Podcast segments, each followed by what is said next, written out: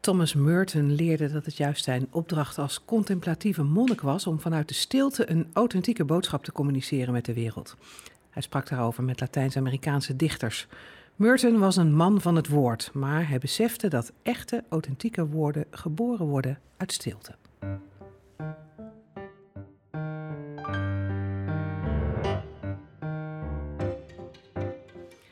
Kik Bras is emeritus predikant, als onderzoeker geassocieerd aan het Titus Brandsma Instituut in Nijmegen en auteur van boeken op het terrein van spiritualiteit en mystiek. In het nieuwe nummer van Herademing schrijft hij over de paradox van spreken en zwijgen bij Thomas Merton. En vorig jaar verscheen van Kik Bras het boek Onuitsprekelijk Paradijs over de groene spiritualiteit van Thomas Merton. Hartelijk welkom, Kik Bras. Ja, goedemorgen. Mark de Jager en ik staan te zitten te popelen om met je te praten. Ja. Maar ja, praten, dat was voor Thomas Merton wel een ding. Ja, hij zat in een klooster waar niet gesproken werd, hè? Alleen in uiterste noodzaak. Of met je biechtvader mocht je spreken. Ja. Maar ze hadden wel een uitgebreide gebarentaal waarmee ze onder elkaar konden communiceren. En waarin ze zelfs moppen konden tappen. Oh ja? en Kijk eens of er dan hard opgelachen mocht worden, dat weet ik niet. Nee. Is toch een beetje, beetje smokkelen. Maar m- misschien voor mensen Ja, die, die wie- even niet weten wie Thomas Merton is. Ja. eh, hij, was, hij was dus monnik. Het was een Amerikaanse monnik. Hij woonde in een klooster in de staat Kentucky. Hij is geboren in 1915 en al op betrekkelijk jonge leeftijd in 1968 noodlottig aan zijn einde gekomen. En heeft heel veel geschreven en hij wordt tot op de dag van vandaag eh, nog steeds bestudeerd en uitgegeven. Ook in de Nederlandse vertalingen zijn de laatste jaren heel wat boeken van hem weer eh, opnieuw vertaald. Ja, zijn bekendste boek is zijn autobiografie, hè?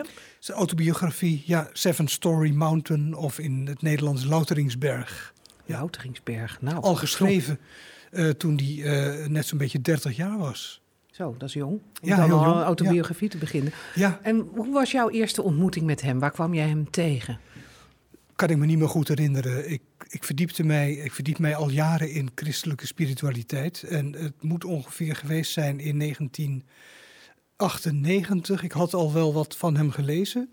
eh, dat iemand mij belde en met mij over Thomas Merton sprak. En dat bleek iemand te zijn die lid is van de Thomas Merton Vrienden. En eh, ik ben daar toen ook lid van geworden. Eh, een groep Belgen en Nederlanders die zich in zijn werk verdiept. En eh, ik, ja, een jaar later ging ik werken in Kampen. En ik kreeg daar onder andere ook een onderzoeksopdracht. onderzoekstijd. En dat ging ik aan Thomas Merton besteden. Dus zodoende ben ik me eigenlijk in hem verder gaan Ja. verdiepen. En, en wat maakt hem zo boeiend voor jou? Of voor breder die- dan De jou? combinatie van, nou ja, weet je, in de eerste plaats, hij is gewoon een geweldige schrijver. Eh, het is een man die recht uit zijn hart schrijft, eh, eh, levendig, poëtisch. Hij was ook dichter, heeft heel wat gedichten geschreven. Ehm, dat, dat het is heerlijk om hem te lezen. En in de tweede plaats, ik heb heel veel mystiek uit de middeleeuwen gelezen. Maar ik vind het eigenlijk fijner om een mysticus te lezen uit, eh, uit mijn eigen tijd. En waarom is dat? Omdat hij meer begrip heeft voor de wereld waarin je, in je leeft? Of- Nou, dat vooral vind ik. En dat is bij Merton heel erg sterk het geval. Want eh, dat vind ik het derde aspect wat mij erg in hem aanspreekt. Die combinatie van mystieke ingekeerdheid met maatschappelijk eh, betrokkenheid. En eh, daarin is hij, vind ik, een groot voorbeeld van eh, ja, hoe, hoe wij vandaag de dag, denk ik, onze spiritualiteit proberen te beleven. Met een innerlijke kant, maar ook heel, heel duidelijk naar de wereld gericht. Ja. Je schrijft in het eh, nieuwe nummer van Herademing, wat voor het eerst online verschijnt, hè? Ja, Ja, Ja. zoals veel tijdschriften, het lot van veel tijdschriften. Schrijf je over de paradox van spreken en zwijgen bij. Thomas Merton. Ja. Ehm, Ja. Nou, ik kan me er wat bij voorstellen, want The Seven Story Mountain, eh, toen hij dat had gepubliceerd, kreeg hij enorm veel aandacht. Dus hij zat voortdurend, denk ik, dan tussen die spagaat van eh, die belofte van de stilte en, en de wereld die aan hem trok. ja zeker. En wat, Ja. wat, wat, was dat wel te doen? Ja. Nou ja, dat is een paradox is altijd eh, spannend. Hè? Het hele nummer van herademing gaat over paradox tussen spreken en zwijgen. Dat is ook in het kader van het jaarthema eh, paradoxale spiritualiteit. Spiritualiteit is niet eh, glad, is niet eh, alleen maar sereen, is niet alleen maar eh, halleluja. Er is altijd een, een de, er zijn spanningsvelden. Het is juist de, de kracht om met die spanningsvelden te kunnen leven. Dus bij Merton was dat ook zeker het geval. Uh, hij had bewust voor dit trappistenklooster gekozen, omdat hij dacht dat hij daar de stilte in ging. Dat hij in de stilte God kon ontmoeten en beter leren kennen. Uh, maar ja, hij, hij werd al vrij snel dus een, uh, een beroemd schrijver. Zijn, zijn, autobiografie was in één klap een, een nationale superhit. Oh ja? En ja, ja. Dus ja, hij werd in één klap in Amerika beroemd. En vervolgens werd het in allerlei andere landen ook uitgegeven. Daar zat dan gelijk ook natuurlijk een enorme correspondentie aan vast. Mensen gingen hem schrijven. Dus hij voelde zich heel erg verscheurd tussen dat verlangen om ja, zichzelf als het ware te vergeten, in, in vergetelheid, in verstilling uh, te geraken. En anderzijds, je betekende blijkbaar iets voor mensen. Je kon blijkbaar het contemplatieve leven zo vertellen dat heel veel mensen er in de wereld ook iets aan hadden die verantwoordelijkheid voelde die ook zwaar drukken. Je vertelde, hij ging echt het klooster ook in om de, de stilte op te zoeken. Maar hij is op een gegeven moment ook kluisenaar geworden omdat hij die stilte niet echt vond, toch? Nee, dat was ook weer zo'n paradox. Hè? De, de trappisten uh, in die tijd, nog voor het Tweede Vaticaanse Concilie, leefden nog volgens de oude uh, regels van de, van de trappisten, dus zwijgplicht. Maar uh, hij vond daar geen privacy. Kijk, als novice en ook als monnik eh, had je nooit een eigen ruimte. Je sliep op grote slaapzalen toen nog. Uh, je ging zeven keer per dag gezamenlijk in de kerk uh, zitten bidden en zingen. Uh, je werkte samen op het land. En als je dan studietijd had, lectio, dan zat je met z'n allen in het scriptorium. Mm, je was nooit alleen. Wat een drama. Je was nooit alleen, ja. nee. nee. Ja. En nou, dus wat hij juist zocht was die, die eenzaamheid. Om, om alleen met God te vertoeven. En weliswaar gaf zijn abt hem steeds meer ruimte. Want die merkte wel hoe hij hieronder leed. onder het altijd maar onder de mensen zijn. Dus hij kreeg toestemming om eerst om in de tuin ook te bidden. In plaats van zijn gebed in de kerk te doen. Of hij kreeg later toestemming om in een schuurtje elke middag zich een tijdje terug te trekken. Daar heeft ook een prachtig boekje over stilte en eenzaamheid geschreven. En later kreeg hij uh, inderdaad toestemming om in een bungalow die gebouwd werd in het bos zich steeds meer terug te trekken. Hij deed ook het verzoek of hij bij een andere orde mocht gaan intreden. Hè? Bij de ja. Kartuizers, die nog, hele, nog veel meer individueel ook in de stilte verkeren. Maar daar kreeg hij geen toestemming voor? Nee, nee. Kijk, je belooft als monnik stabilitas loci. Ja. Dat betekent dat je uh, bij het klooster waar je intreedt, dat dat jouw plek is waar je je geestelijk weg moet gaan. En dan moet je maar alles... Uh, jammer dan. Uh, ja, jammer dan. ja. De abt zei tegen hem van nou, zoek je kluis maar in je hart. Ja. En, uh, en, en maar al die irritante broeders die er dan voortdurend zijn. en die maar grappen aan het maken waren met gebarentaal. Ja, en, precies. Uh, ja. ja. maar daar hield hij zelf ook wel van hoor. Hij, het, is een, het is een paradoxale persoon hoor, want hij was ook heel sociaal. En hij had veel humor. Dat merk je wel aan. Ik heb cassettebandjes met colleges die hij gaf aan zijn mede, mede uh, kloosterlingen. Dan moest hij later moest hij de lezingen geven. En dat is ook vaak schaterlachen. Uh, toen mocht dat blijkbaar, blijkbaar wel. Uh, maar hij hield. Maar hij, hij werd daardoor verscheurd. Ja. En hij, dat je nooit alleen was, ja, dat was voor hem toch wel te erg. En tegelijkertijd was er ook die enorme vraag naar hem en naar, zijn, en naar correspondentie, naar, van mensen van uit de wereld die ook iets van hem wilden. Um, was hij daar dan eigenlijk wel blij mee? Want dat hield hem natuurlijk ook weer af van die stilte. Of, of genoot hij daar toch ook wel weer van, van, van? Nou ja, gelukkig kreeg hij op een gegeven moment een secretaris. Die, uh, een van de medebroeders of novicen, die uh, uh, alle wat onbelangrijkere correspondentie met een standaard briefje kon beantwoorden.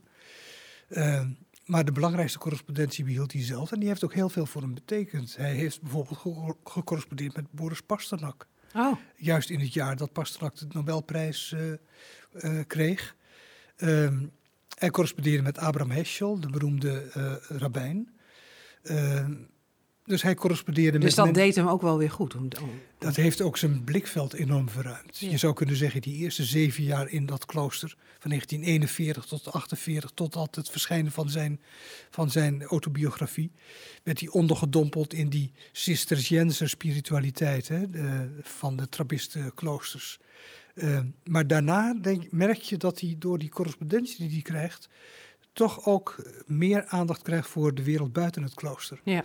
En dan gaat hij daar ook gaandeweg verantwoordelijkheid voor voelen. Ja, gaan we het zo over hebben. Maar eerst nog eens even naar die stilte. Want was stilte voor Merton de enige manier om, om God te ontmoeten, om God te vinden? Was dat de weg voor hem? Ik denk wel de weg voor hem, maar niet de enige weg. Nee. nee. Kijk, voor hem was uh, uh, natuurlijk de mis. Hij was ook priester uh, gewijd. De mis was voor hem een heel belangrijk middel om God te ontmoeten. Eucharistie. De Eucharistie, ja. ja, ja. En natuurlijk de, de, het getijdengebed, wat hij met zijn medekloosterlingen deed. Daar heeft hij ook prachtige boeken over geschreven. het werk op het land en de natuur natuurlijk. Maar ook zeker de ontmoeting met, met medemensen. Die heeft altijd veel voor hem betekend. En hij heeft een keer een enorme doorbraakervaring gehad. Midden in Louisville, de dichtstbijzijnde stad. Toen hij daar was voor een medisch onderzoek. Toen stond hij daar midden in de stad, in het drukke winkelcentrum. En toen brak dat in hem open. Uh, goddank, ik ben gewoon een lid van het menselijk ras. En ik ben met al die mensen die hier lopen als mens eenvoudig verbonden. Het was een hele diepe mystieke eenheidservaring, juist met uh, mensen in de drukte. Ja. Ja. En als je dat zo vertelt hè, over de stilte en de drukte en de natuur, wat, wat, leer jij hier dan van als, als, als predikant, als, als christen? Wat, wat neem jij daarvan mee dan in je eigen spiritualiteit? Ja, ik ben altijd een, een druk bezet mens geweest. Met natuurlijk, uh, zoals jij zelf ook wel weet als predikant. De, de, uh, en jij trouwens zelf bent natuurlijk ook. Uh, er wordt altijd aan je getrokken. Er wordt altijd wat aan je gevraagd. Ik heb het ook altijd heerlijk gevonden. Ik voelde me altijd als een vis in het water gevoeld. Uh, in, midden in de kerk en in betrokkenheid op mensen. Maar ik heb toch ook altijd die zelf al vanuit mijn tienerjaren een, uh, een, een sterke behoefte gehad aan uh, verstilling. En aan momenten van inkeer tot God. als tiener heb ik bij Youth for Christ geleerd om stille tijd te houden. En in, weliswaar heb ik dat in mijn studentenjaren weer een beetje losgelaten. Maar toen ik weer predikant werd, uh, realiseerde ik me dat de enige keren dat ik eens bad. Dat was even het uh, Heere zegen deze spijs amen voor het eten. En als gemeenteleider zeiden van dominee, moet u niet een kapitteltje met ons lezen en, en bidden. Maar dat ik zelf eigenlijk helemaal geen uh, momenten meer had van verstilling in mijn omgang met God. En dat ben ik toen gaan zoeken in meditatie. En ik heb gemerkt dat uh, dat, dat voor mij toch een onmisbaar uh, element in mijn leven is. Ja, dus net als Merton midden in de wereld, maar tegelijkertijd ook, ook die inkeer. Ja. Want jij gaf net ook al aan uh, dat Merton door ook zijn contacten zich heel erg betrokken ging voelen bij de samenleving. Hij ging zich ook uitspreken over allerlei maatschappelijke onderwerpen, atoombewapening, wapenwetloop, racisme, economische ongelijkheid, Vietnamoorlog, natuurlijk ook niet onbelangrijk, en het milieu. Hoe kwam dat dan allemaal tot hem? Kwam dat via die correspondentie? Want ja, als monnik ben je toch niet voortdurend uh, op CNN aan het kijken. Nou ja, dat bestond toen nog niet, maar nee. vergelijkbaar. Hoe, hoe, hoe, hoe, kwam het bij hem binnen? Uh, via correspondentie vooral toch, ja. Want ze hadden in het klooster natuurlijk geen radio en televisie. Ze hadden ook geen krant. Uh, maar hij, hij, moest vrij frequent wel naar ziekenhuizen. en dan las hij daar de no het nodige. Hij bestelde boeken. Uh, hij heeft heel veel gelezen. En hij had onder andere veel contact met Dorothy Day. Ah. En Dorothy Day was toen de tijd de leidster van uh, uh, de Catholic, Catholic Worker. Worker. Ja. Die had ook een eigen krant, de Catholic Worker. En die vroeg Merton ook om daar artikelen voor te schrijven. Dus via de contacten met Dorothy Day. en heeft hij zich echt wel ingelezen in de maatschappelijke problematiek. En hij was dichter hij correspondeerde veel met Latijns-Amerikaanse dichters. En die uh, vertelden hem over de sociale uh, situatie in hun land. En ook hoe die uh, rotregimes in Latijns-Amerika allemaal door de Verenigde Staten werden gesteund. Dus hij ging daardoor ook heel kritisch aankijken tegen het kapitalisme in Amerika. Ja. Hij, jij citeert hem ook in je artikel en je schrijft dat hij zegt: Het komt mij voor dat ik de stem heb gehoord van het hele halfrond in de stilte van mijn klooster. Een stem die spreekt vanuit de diepte van mijn wezen met een klaarheid die zowel groots is als schrikwekkend. Ja. Dat is toch wel heel bijzonder. Ja, je denkt in ja. de stilte hoor je God, maar hij hoort in de stilte ook de stem van de wereld. Ja, zeker. Dat ja. is zo'n. Uh, en dat komt omdat hij uh, uh, gedichten niet alleen schreef, maar ook gedichten las in de stilte. Dus hij las ze ook echt vanuit een sfeer van verstilling, waardoor hij eh, de woorden ook echt in zich kon laten weerklinken. En die gedichten van die Latijns-Amerikaanse dichters, die spraken natuurlijk over hun continent. Dat ging ook over de wereld. eh. en eh, dat raakte hem dus heel erg. Ja. Ja, ja. Hij heeft ook contact gehad met Ernesto Cardinal, hè? de latere minister van Onderwijs in El Salvador. Die ook een tijdje novice in zijn klooster geweest is. Die voor dat klooster koos omdat Thomas Merton daar novicemeester was.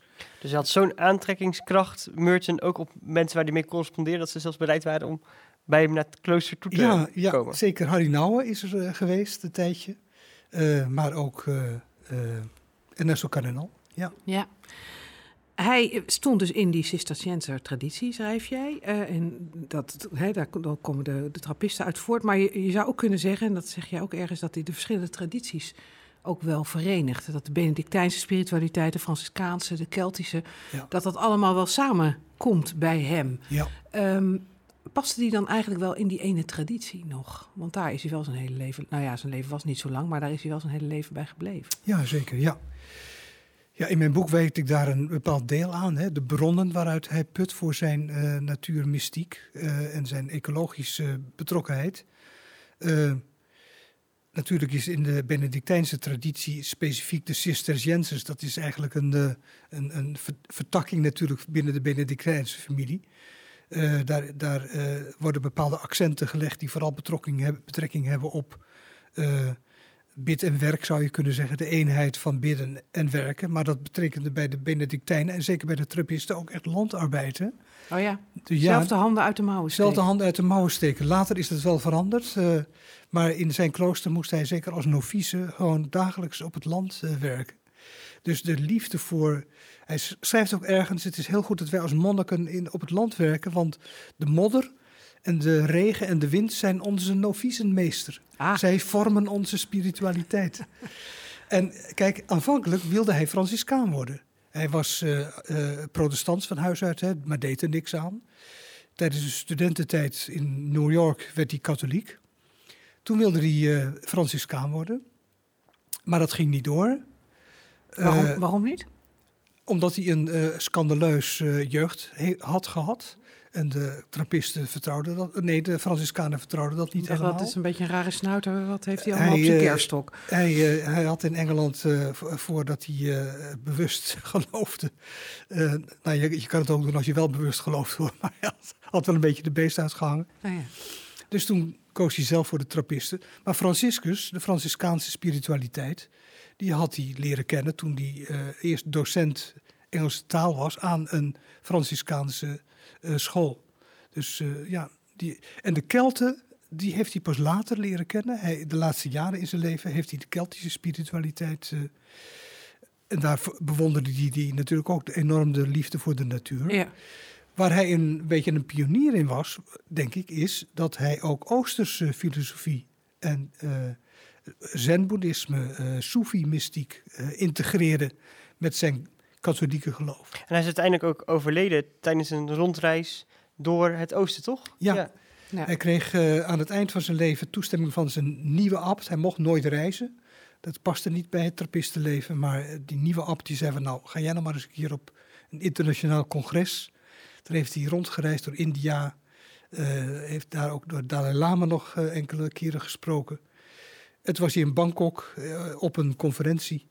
En daar is hij eh geëlectrocuteerd door een defecte ventilator. Ach, wat een Ja. tragische manier om aan het einde te komen. Ja, zeker. Wij praten zo verder en met name dan over eh, jouw boek, wat eh, ook heel erg gaat over ecologie en milieu en de manier waarop Merton daarbij betrokken was. Maar eerst even dit. Wist u dat deze podcast onderdeel is van het platform theologie.nl?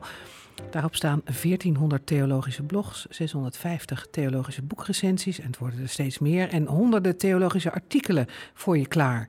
En als luisteraar hebben we een leuk aanbod voor je. Lees alles op theologie.nl één maand gratis. Ga naar de site, kies lid worden, gebruik de code podcast tijdens je bestelling. Tot ziens op theologie.nl. We praten verder, Mark de Jager en ik, met Kik Bras over Thomas Merton. Uh, en met name over uh, de relatie uh, die Thomas Merton zag tussen zijn geloof en de aarde, het milieu, de natuur. Um, was in de tijd van Merton al het besef aanwezig dat de manier waarop wij als mensen met de aarde omgaan misschien niet altijd heel heilzaam is? Ja, het was er wel. Hè. Iemand als Aldo Leopold bijvoorbeeld had in 1945 daar al ernstig over geschreven.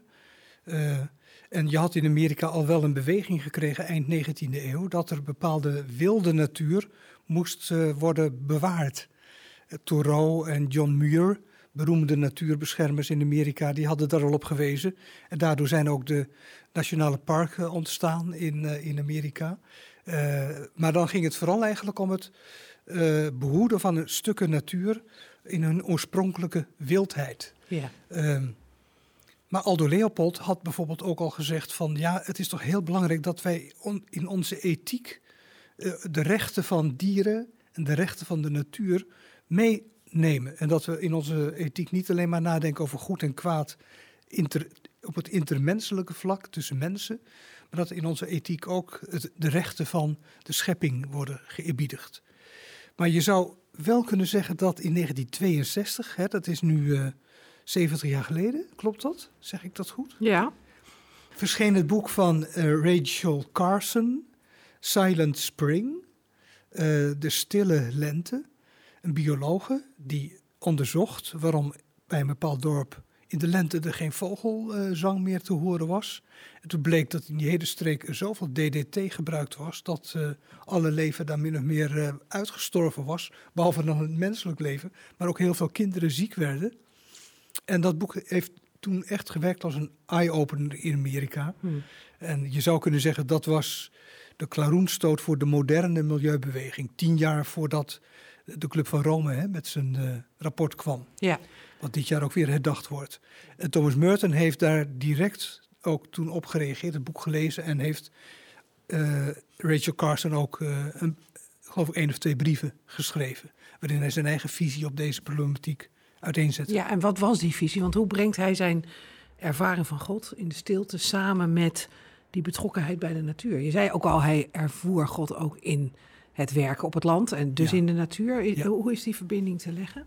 Ja, nou, weet je, in de eerste plaats zou je kunnen zeggen dat uh, Merton heel sterk leefde vanuit uh, de, de middeleeuwse filosofie. Uh, en ook de gedachtegang van oude Griekse kerkvaders. Dat God heel sterk verbonden is met zijn schepping. God is aanwezig in zijn schepping. God is niet een apart wezen boven de schepping. Ja, dat ook in zekere zin. Hij is, staat, staat boven alles. Dus hij was een panentheïst eigenlijk? Hij was een panentheïst. Alles is in God en God is in alles aanwezig. Hm. Daar leefde hij sterk uit. Dat mhm. was zijn, uh, zijn filosofie. En uh, dat vertelt hij ook aan Rachel Carson. Alle religies hebben altijd sterk benadrukt dat de schepper aanwezig is in zijn schepping en dat daarom de schepping ook geëbiedigd moet worden. Maar hij zegt, uh, we zijn in Amerika met name bezeten door een uh, demonische haat ten opzichte van het leven. En hij uh, ontrafelt dat dan in wat hij ziet als de Amerikaanse frontier-mythe. Dat Amerika altijd is opgegroeid met een soort cowboy-mentaliteit van wij, witte pioniers, die in de tijd de, de grens, de frontier, steeds meer naar het westen hebben verlegd, deden dat uit naam van onze christelijke God, waarbij het de bedoeling is dat de mens heerst over de schepping, zoals we in de Bijbel kunnen lezen. En dat betekent dat we de wilde natuur aan ons mogen onderwerpen om daar welvaart mee te creëren. En en passant mogen we ook de wilden die in die wilde natuur leven, de indigenous people, ja. uh, ofwel tot het christendom bekeren, ofwel uitroeien. Ja. En hij zegt die, die uh, frontier mythe die leeft nog steeds, maar nu vertaald in het kapitalisme dat zegt: het is onze grote opdracht om de schepping zoveel mogelijk om te zetten in verkoopbare waar. Want daar worden we gelukkiger van. Niet alleen op aarde, Maar dan blijkt ook dat we deugdzaam en uh, goed uh, onze scheppingsopdracht vervullen. Dus worden we ook nog eens beloond in het hiernamaals. Wat een ongelooflijk scherpe kritiek. En ja, wat goed dat hij dat zo toen al zo goed kon analyseren. Ja, zeker. Ja, want we zien nog steeds de wrange vruchten ervan. Ja. Voor iemand die geen toegang heeft tot, tot, tot nee. kranten en radio's. Nee, nee, ja. nee, dus een hele heldere geest wat dat, wat dat betreft. Ja, ja, ja. Vond het een beetje uh, weerklank. Uh, je, je, beschrijft in zijn boek zijn denken hierover. Onuitsprekelijk paradijs, ook zo'n mooie titel. Ja. Kreeg hij, uh, want het was denk ik ook wel een, een, confrontatie voor veel mensen om zo hun maatschappij geanalyseerd te zien worden. Kreeg hij wel wat, wat steun? Nou, zeker. Natuurlijk in kringen van de Catholic Worker, zeker. daar nam men zijn artikelen altijd graag op. Maar de Catholic Worker is ook, uh, zeker in die tijd, uh, een, een, krant geweest van een progressief-katholieke beweging die zich ook inzette tegen Vietnam, tegen de atoombewapening. Dus binnen dat geheel vond dat zeker gehoor. Al moeten we dat denk ik ook niet overdrijven, want hij heeft maar korte tijd gekregen om daarover te publiceren. Uh, 62, Rachel Carson. Daarna is hij zich gaan uitspreken. Zijn echte uh, grote zienswijze heeft hij neergeschreven in een lang artikel. Dat pas in 1967 of 68 gepubliceerd is. En ja, datzelfde jaar is hij uh, omgekomen. Ja. Uh, daarna moet je eigenlijk zeggen dat die natuurvisie van Merton is de eerste jaren na zijn dood toch minder meegenomen als al zijn andere visies op, uh, op contemplatie.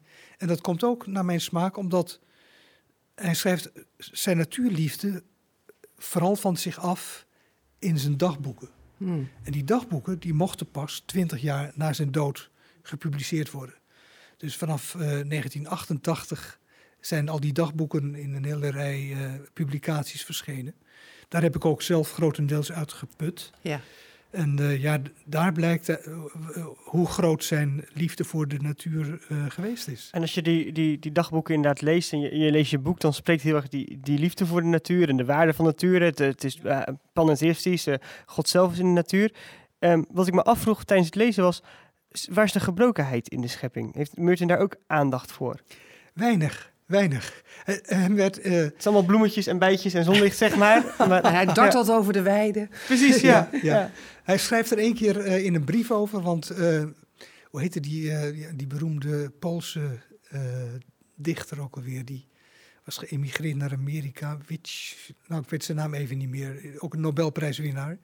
Die, uh, daar correspondeerde hij ook mee. En die schreef op een gegeven moment aan hem van... ja joh, maar het is toch niet allemaal uh, pais en vree in de natuur? nee. Uh, het is daar de eten of gegeten worden. En toen schreef hij, ja, dat weet ik ook wel natuurlijk... dat er dood en verderf is en dat er niet alles piekfijn is. Maar, zegt hij, ik ervaar de natuur nog steeds als een grote bondgenoot... tegen het meest roofzuchtige ras in de natuur, het menselijk ras. Oh ja, dat was de grote, de grote aanstichter van het kwaad die natuurmystiek, is die na te volgen voor een lezer als jij? Jij hebt je natuurlijk echt in hem verdiept. Is dat, is dat, is dat voor onze tijd en onze, op onze plek nog navolgbaar? Ja, zeker. Ik denk, ja? Dat, ik denk dat heel veel mensen daar iets van meevoelen. Dat uh, als je mensen vraagt, waar ervaar jij God? Dan zeggen heel veel mensen, in de natuur. Ja. En wat is het dan in de natuur? Ja, dat is dan toch de onthaasting de stilte, eh, tot rust komen, genieten van de schoonheid, geïmponeerd worden door imposante natuur, uh, de verbondenheid met de dieren. Neem de lente, het ontluiken hè, uh, van, van nieuw leven. De, het leven in het ritme van de seizoenen. Zijn zoveel aspecten. Ik heb nou net een retraite geleid in een klooster in Brabant over dit boek van Merton. En ja, er waren mensen die allemaal uh, bezield waren natuurlijk door deze thematiek. Maar dan merk je hoe sterk dat leeft bij mensen. Ja, ja. dus, dus, dus wat je eerder al zei, uh, mysticus uit deze tijd, uit deze eeuw, of vorige eeuw, die uh, spreekt tot de mensen van deze tijd ook. Ja, zeker. En misschien wel makkelijker dan iemand uit de middeleeuwen. Ja. Ja, ja. Heb jij eigenlijk iets met natuurmystiek, uh, Mark? Nou, ik, ik, woon, ik ben dominee op, op een van de meest mooie natuurplekken van Nederland. Het Dwingelo ligt ingeklemd tussen de twee grootste natuurgebieden van Nederland. En het staat zelfs zo dat als ik het aan mijn katgezanten vraag... en dat zijn allemaal gewoon, uh, gewoon stoere eh, mensen die graag met hun handen werken, niet, werken, niet heel snel theologisch denken, dan geven ze net wel snel antwoord op die vraag: waar zie je God toch wel in, in de natuur? Ja. Dus ondanks dat je er, ook als je niet zo op reflecteert, komt dat dan toch wel weer eh, naar voren. Tegelijkertijd denk ik in Nederland dan van ja, we hebben in Nederland wel natuur, maar niet natuur zoals dat zeg maar in de omgeving waar Merton eh, leefde zo was. Hè. In Nederland is het allemaal gecultiveerde natuur. Ja. En dat is misschien ook wel weer een, een verschil. Ja. Ja, dat is zeker een verschil. En eh, vooral is de ellende natuurlijk dat je in onze natuur altijd zoveel andere mensen tegenkomt. hè. Zo irritant. En natuurlijk dat we meestal niet alleen in de natuur zijn. We wandelen of fietsen meestal eh, eh, met een vriend of vriendin of een partner. En dat betekent dat je meestal de natuur als een soort rustig decor beschouwt, wa- waardoor je eens lekker van gedachten Nou, kan en ik denk, ik denk dat dat bijbelstheologisch ook nog wel, wel eh, een puntje is. Want zeg maar, je hebt zeg maar, natuurmuziek uit liefde voor de natuur. En Jezus trok zich natuurlijk in de evangelie ook vaak even terug. Maar het zijn vaak ook woestijnervaringen. Ja. Dus de natuur is niet alleen maar de plek waar je ontzag krijgt of zo voor de schoonheid. Maar ook de, de Confrontatie. woestijn. Ja, de confron- confrontatie. Ja, ja. Dus dat, Ja. eh, ja. De confrontatie vooral ook met de stilte. Hè? ja. Eh, Dat is, eh, Merton heeft eh, ook de woestijnvaders bestudeerd en woestijnmoeders, moeten we ook zeggen. En daar een, een mooie bloemlezing uitgeschreven. Maar de verstilling is voor hem niet alleen een stuk sereniteit, maar het is ook de worsteling om werkelijk tot overgave te komen aan God en daardoor je diepste zelf te vinden. En je ook te laten ontmaskeren in je alle kleine ego-behoeften die ieder mens heeft en ego-illusies die ieder mens heeft. Ja. Dus eh, in die zin is eh, de stilte ook vaak een, een, een worsteling voor hem eh, geweest. Ja. Ja. niet alleen maar een lieflijke plek. Nee. Heeft Thomas Merton, als het gaat over die natuurmystiek, ook navolgers? En zijn er mensen die je nu kan noemen, die, waarvan je zegt, nou dat zijn wel degenen die het werk van Merton, wat hij eigenlijk niet af heeft kunnen maken, voortzetten? Ik denk heel veel. Er zijn heel veel, eh, om ons alleen tot het christendom te beperken, heel veel eh, christenen die, eh, die dit van nature al zo beleven, zou ik zeggen. Maar er is natuurlijk binnen de christelijke theologie tegenwoordig ook heel veel aandacht voor, voor- ecologisch bewustzijn. Trace van Montfort in Therese van Nederland. Montfort in Nederland, Thomas Berry in, in Amerika, die helaas ook al overleden is, maar is, was meer een Teilhard de Jardin-kenner. Maar heeft heel veel betekend voor, eh, eh, ja, voor eh, de verbinding van mystiek en natuurliefde. Ja, ik denk dat het tegenwoordig veel meer eh boven komt. Maar wat ik, wat ik, wat ik wel vind is... eh Therese Montfort heeft een prachtig boek geschreven over groene theologie. Maar er zou een vervolgboek moeten komen over groene spiritualiteit. Ja, want het gaat bij spiritualiteit meer om hoe kun je het op, belevingsniveau eh, ook beleven. En hoe kun je met elkaar vormen ontdekken om die beleving ook te wekken en in stand te houden. En ik denk dat op dat gebied er in heel veel kerken al veel gebeurt. Stiltewandelingen die gehouden worden, eh, eh, mediteren in de natuur. Ik ben zelf betrokken bij Vakare, platform voor meditatief leven. Wij gaan een cursus uitgeven, je balans vinden in verbinding met God in de natuur. mhm. Dus de drieslag van de eigen balans, natuur en de schepper. Dus zo gebeurt er denk ik heel veel op het gebied van eh, eh, christelijke spiritualiteit met betrekking tot de natuur. En eh, ja, dat vraagt ook wel om verdere doordenking. Vind ja, ik. en jij maakt dus heel nadrukkelijk een onderscheid tussen theologie en spiritualiteit in deze. Ja, ik vind theologie, en dat blijkt ook natuurlijk als je in het boek van Therese van Montfort leest, dat is over het algemeen een niveau waarop uh, gewone gemeenteleden afhaken. Hmm. En zeggen, ja, dat uh, is niet direct voor mij weggelegd. Dat zal ik niet, uh, jouw catechisanten in de Dwingelo zullen dat zeker niet, uh, niet lezen. Maar een wat meer benadering vanuit de eigen beleving, de spiritualiteit, is vaak veel toegankelijker. Ja. Brengt het dichter bij het grondvlak van waar alledaagse gelovigen op leven. Wat was voor jouzelf, uh, tot slot, de, de grootste ontdekking bij Merton als het gaat over dit boek, Onuitsprekelijk, Onuitsprekelijk Paradijs? Je hebt natuurlijk heel veel van hem gelezen ook. Ja. Zijn dagboeken, zijn brieven. Wat, wat, wat, wat was voor jou nou echt een, uh, een eye-opener? De diepe vreugde. Oh, de kijk. diepe vreugde, ja. Ik, ik heb zo genoten van zijn uh, natuurteksten. Uh, met hoeveel uh, liefde en vreugde hij dat alles beschrijft. heeft spontaan zin om zelf ook de natuur uh, weer in te trekken. Precies, en om je te realiseren, kijk, de natuur, de schepping is voor Merton eigenlijk één groot loflied aan de schepper. E- Een van zijn mooiste teksten is dat hij 's ochtends, eh, als voor, net voordat de zon opkomt, hoort dat de vogels ontwaken. En dan zegt hij, eh, eh, alsof ze aan de schepper vragen: Ja, is het tijd om te zijn? en de schepper zegt ja. En dan gaan ze zingen. Nou, dat is het grote voorbeeld voor ons mensen. Je zou in de bossen moeten lopen en je moet realiseren: die bomen die doen niets anders dan met opgeheven handen de schepper loven en prijzen. De vogels, oké, we weten wel natuurlijk waarom ze fluiten, vooral in de lente, allemaal natuurlijke oorzaken. Maar als gelovige mag je ook zeggen: ze prijzen God. Waarom verdikken me doen wij dat als mensen niet? Laten ook wij eens wat meer doen wat de schepping van nature doet. De schepper prijzen. Ja. Nou, dat heeft me het meeste in, de, Ja. in zijn teksten getroffen. En als jij nu door het bos loopt? Ja, dan heb ik dat zeker sterker. Ja, Ja, ja, zeker. Ja. Ik heb vorige week nog eh, eh, een boom omarmd. Zo. We moesten even in het bos lopen met die- in dat klooster, weet je wel. Dat was ook een beetje een natuurklooster.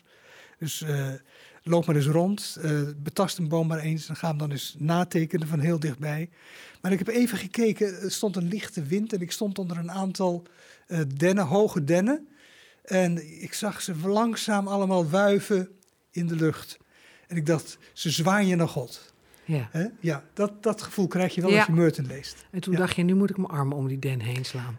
Dacht ik, laat ik me eens eh vereenzelvigen met die boom. Mooi, Ja. mooi. Nou, als u eh, meer wilt lezen over die spiritualiteit van Thomas Merton, eh, lees dan het boek van Kik Bras, Onuitsprekelijk Paradijs. Dankjewel, Kik, voor, eh, voor dit gesprek. En eh, voor eh, ja, een inkijkje in het eh, denken en leven van Thomas Merton. En Mark, ja, ja, ook dank dat je er was. Nou ja, je bent er gewoon, hè. En als u nou nog meer wil weten van theologie, kijk dan nog eens even op de website theologie.nl. Veel meer actuele theologie te vinden. Kunt u zich ook op deze podcast abonneren? Doe dat vooral ook en blijf ons volgen. En graag tot een volgende keer.